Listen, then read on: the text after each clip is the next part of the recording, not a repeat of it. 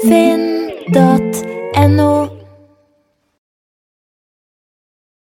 Hallo, hallo, Bente Mari Kristiansen. I dag skal vi snakke om eh, et ja, Vi kan nesten si at det er vårt favorittema fart og flyt. Ja, Bjørn Henrik Wangstein, det er helt riktig. Eh, Fart og flyt. Men eh, under temaet 'Hvorfor går det så treigt?' Eh, Og du og jeg har jo nå vært ansatt i Finn i veldig mange år. 15 år faktisk disse dager. Og helt siden starten husker jeg at det var et tema. Alle syntes det gikk så treigt. Og Ja. det er litt fascinerende at det er et tema som har vart så lenge. Ja, det har vært en slags rød tråd i vår eh, karriere, egentlig. Ja, det kan ikke til og med bygge opp under hvorfor vi driver med det vi driver med. Det ble litt fascinerende, dette temaet. Og Ja. i, i disse dager da, så har det faktisk blitt aktuelt igjen. For Kristian, Christian, vår CEO, han har eh, uttrykt at han syns at det går litt treigt. Og det han mener går treigt, det er vår eh, viktigste satsing, eh, som er på motor for tiden.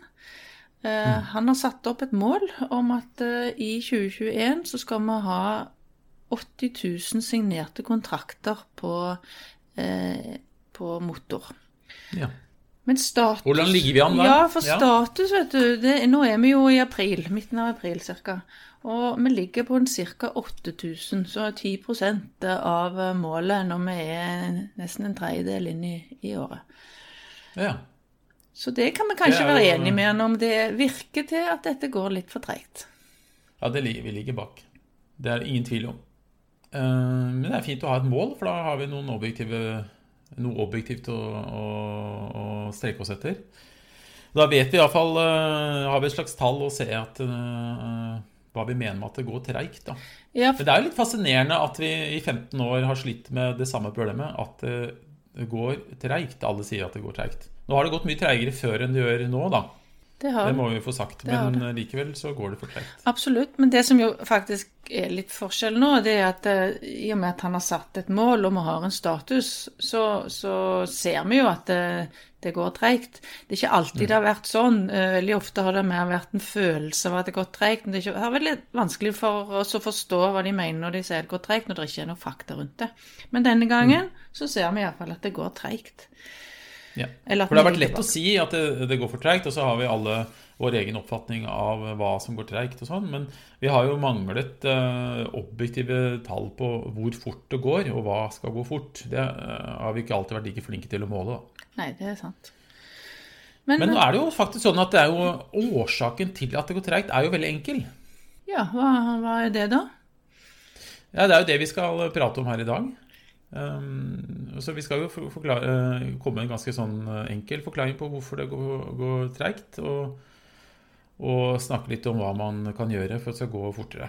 Ja, for det eh, Vi har jo som sagt vært her lenge, så vi har litt historikk på dette. Men jeg husker jo at eh, det var vel sånn ca. 2014, tror jeg. Så var det også dette temaet aktuelt. Det går så tregt, sa de. Den gangen var det nok eh, mer utydelig hva som var tregt, og hvorfor det var tregt, og hvorfor skulle det gå fort, og hva skulle gå fort. og Alt, alt var veldig utydelig den gangen. Så, så vi fikk jo et oppdrag, da, du og jeg, på å prøve å finne ut av eh, dette her greiene. Og der eh, tok vi jo i bruk eh, noe som vi skal bruke resten av denne episoden å snakke om. Det var Littles lov. Det var Littles lov, ja. Og Littles lov er jo da kalt opp eh, etter Little, John Little, som er en eh, amerikansk eh, matematiker, eller statistiker. Og han jobbet med å analysere komplekse systemer og kom fram til en veldig veldig enkel sammenheng, eller en, en lov, som da har fått navnet hans, Littles lov. Og jeg tenkte å prøve å beskrive den loven. Den er jo enkel, og alle opplever jo den i hverdagen. Så vi har et par eksempler her som jeg har tenkt å, å bruke for å beskrive hva den loven egentlig sier. Ja, Så du, du har- jeg har skjønt, Bente, du, når du eh, handler, så handler du ofte i Jacobs. Du bor på Nordstrand. Ja, jeg bor på Holte på Nordstrand, og, så det er ikke så veldig langt bort til Jacobs. Så, så det har blitt min eh, nærbutikk. Og, og jeg er jo sånn at eh, det er ikke kjempestas å være i butikken. Så jeg vil jo at det skal gå ganske effektivt og greit og fort. Um, så når jeg kommer i den butikken, så er det OK, jeg skal få gjort det jeg skal, og så skal jeg fort ut igjen. Det er fart og flyt du er på jakt etter? Det er fart og flyt jeg er på jakt etter, og særlig utspillet dette seg, vil jeg si, når jeg kommer fram til kassa. Da er det sånn Gud, hvor mye folk er der i kassa i dag? Hvor lang er den køen? Så eh, poenget mitt er at jeg vil så fort igjennom denne køen som mulig. Ja. Så er det fullt av folk der, så blir jeg sur og stressa. Så da tenker jeg, hva kunne jeg ha gjort for at dette skulle gå fortere? Og Da er det jo to ting jeg kan eh, tenke meg kunne ha skjedd. Litt sånn magisk. Enten så må det bli færre folk eh, i denne køen. Da vil det gå fortere. Eller så håper jeg at noen ringer med disse bjellene, og at det kommer flere folk eh, ut fra der de nå måtte være, og setter seg i kassene, åpner kassene, sånn at det blir flere kasser å kunne gå i. Da vil også jeg, jeg komme meg fortere gjennom denne køen. Så her har vi altså det er to ting. Færre folk eller bedre kapasitet. ja. Og de fleste butikker er jo ganske flinke til å ringe den bjella, som du nevner, og åpne flere kasser når, eh, når det blir kø. Så de sitter og følger med på køen og ser at oi, nå er det mye folk her, vi må åpne flere kasser. Ja. Det er jo Det skjer den, som de oftest. i. Ja, Ja. Og nå har det til og med blitt selvbetjente kasser også, så kapasiteten her er Så dette, er, dette har jo butikkene skjønt, i hvert fall. Også det med færre folk i butikken.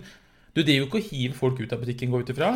Men det går jo an å komme i butikken eh, på tidspunktet hvor det ikke er nødvendigvis eh, maksimalt med folk. Så kommer klokka Jeg handler ofte ganske seint på kvelden, og det er veldig behagelig. Ja, det er det. Så tenke litt gjennom når man er der. Det er nok lurt. Så, så alle sånne steder hvor man har kø, har jeg inntrykk av er ganske gode til å tenke akkurat på dette her. Altså hvordan skal de få ned køen? Det er Ja, og særlig når kunden er så tett på, og køen er så synlig, og det blir kanskje til og med høylytt eh, protester hvis det blir for mye kø, så er det jo er man ofte motivert da, for å løse det problemet fort. Så, så det er altså i butikk eh, ganske enkelt. Få folk, da går det fort. Mange kasser åpne, da går det også fort. Det samme er det jo hvis vi er ute og kjører bil. Så hvis vi kjører på en vei, så er det jo det samme. Vi ønsker jo å komme oss raskest mulig fra punkt A til B. Men er det masse biler på veien, så vet vi at da går det seint. Så det er akkurat samme fenomenet. Så da er det to ting vi kan hoppe på. At det er få folk på veien når vi skal kjøre. Eh, Og hvis det alltid er mye kø, så håper vi at de eventuelt bygger ut veien, lager flere felter. Øker kapasiteten på veien. Så det er akkurat det samme som med butikkeksempelet. Så det du sier nå, at hvis vi skal eh, få gjort noe fort, altså vi skal komme fort gjennom en prosess, så er det to ting. Det er bare to ting. Men de sa det var enkelt dette her, det er to ting du kan ha kontroll på. Ja. Er det det Little Det lov forteller oss, da, eller? Ja, Littles lov, det var jo det han gjorde. Han, sa, han beskrev jo butikk, eh, butikk og han beskrev, lagde denne loven uh, uh, helt generell. Så den gjelder alle typer systemer, sa, sa John Little.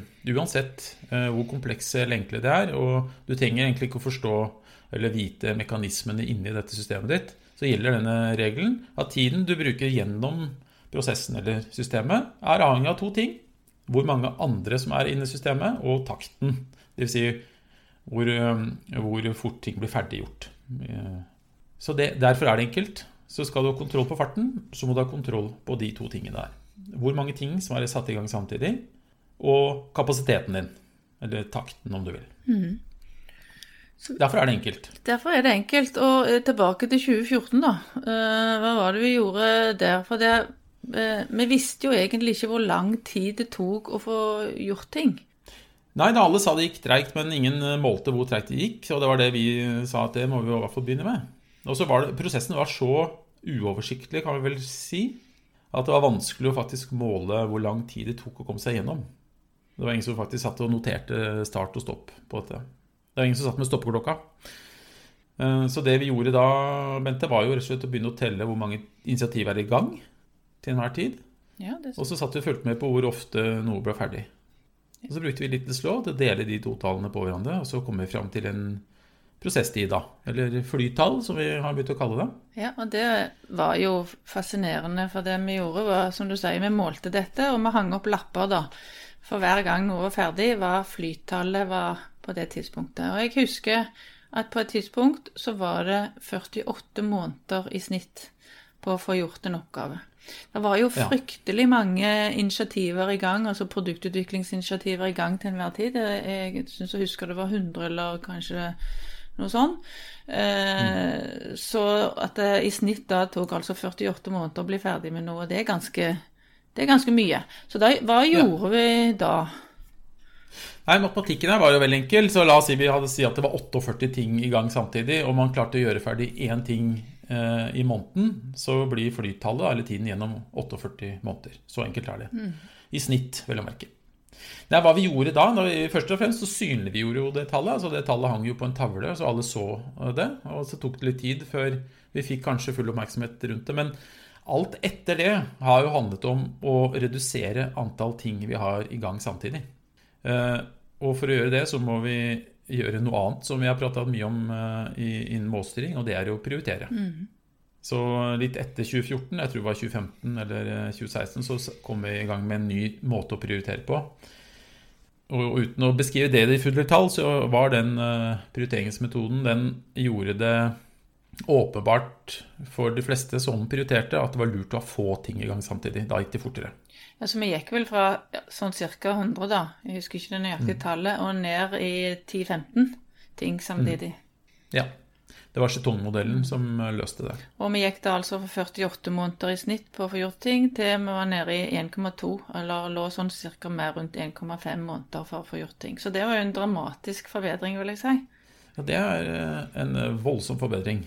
Så vi, vi satte først et måltall, eh, mål om fem, eh, fem måneder, husker jeg. Og så ble det tre måneder, og så var vi helt nede på 1,2 måneder. var det beste vi hadde. Og det var rett og slett ikke fordi vi økte kapasiteten, men fordi vi reduserte antall ting i gang samtidig.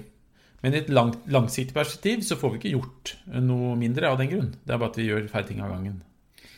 Nettopp. Der, men der er du jo òg inne på noe, for det at du sier at det er to ting man kan ta kontroll på. Det er liksom å, å gjøre færre ting om gangen, eller øke kapasiteten. Men det må vel sies at eh, det er vel enklest å redusere antall ting man driver med. for det er, kan jo være litt andre konsekvenser ved å øke kapasiteten.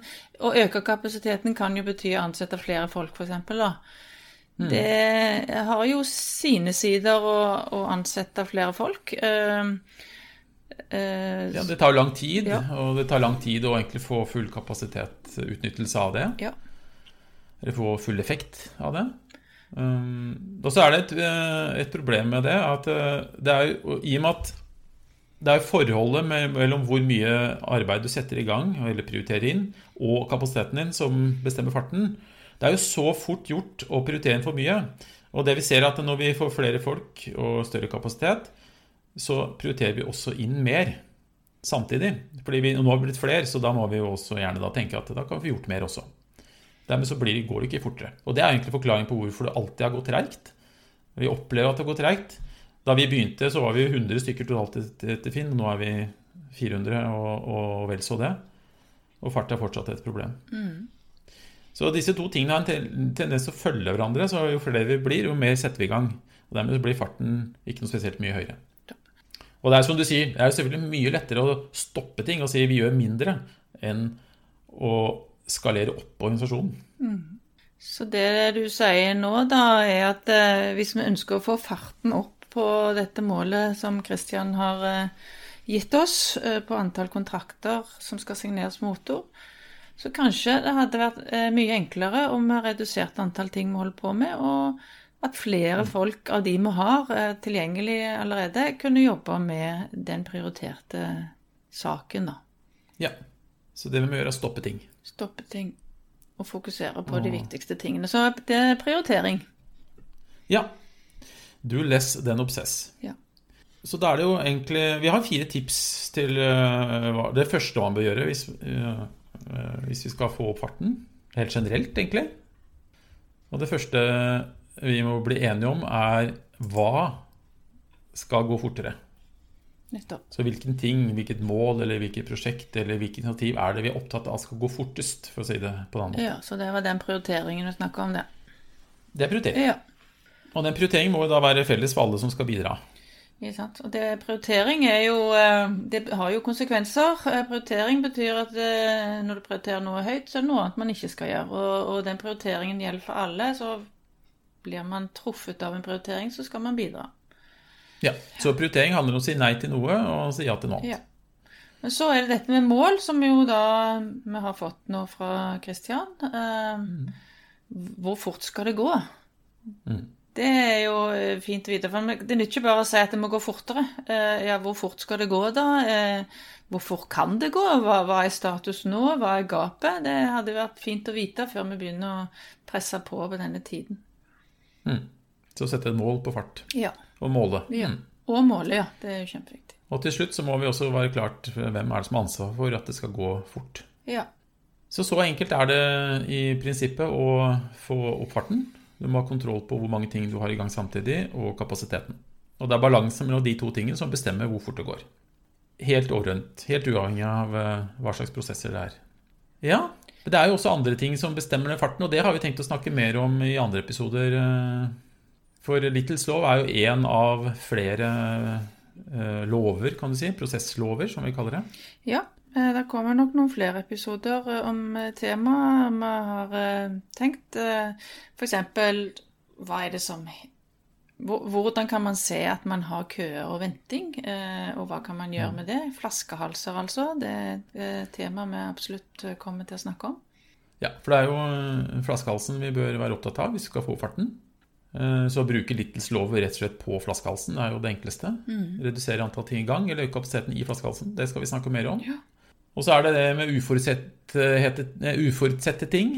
Eller variasjon og ressursutnyttelse er jo et tredje tema. Ja, og vi har til og med et fjerde tema. Det er liksom størrelsen på de oppgavene du skal drive med. Det kan være lurt å gjøre de så små som mulig, faktisk. Og det skal vi også snakke litt om hvorfor det. Ja, Så med tanke på fart og flyt, så er smått er godt et stikkord. Ja.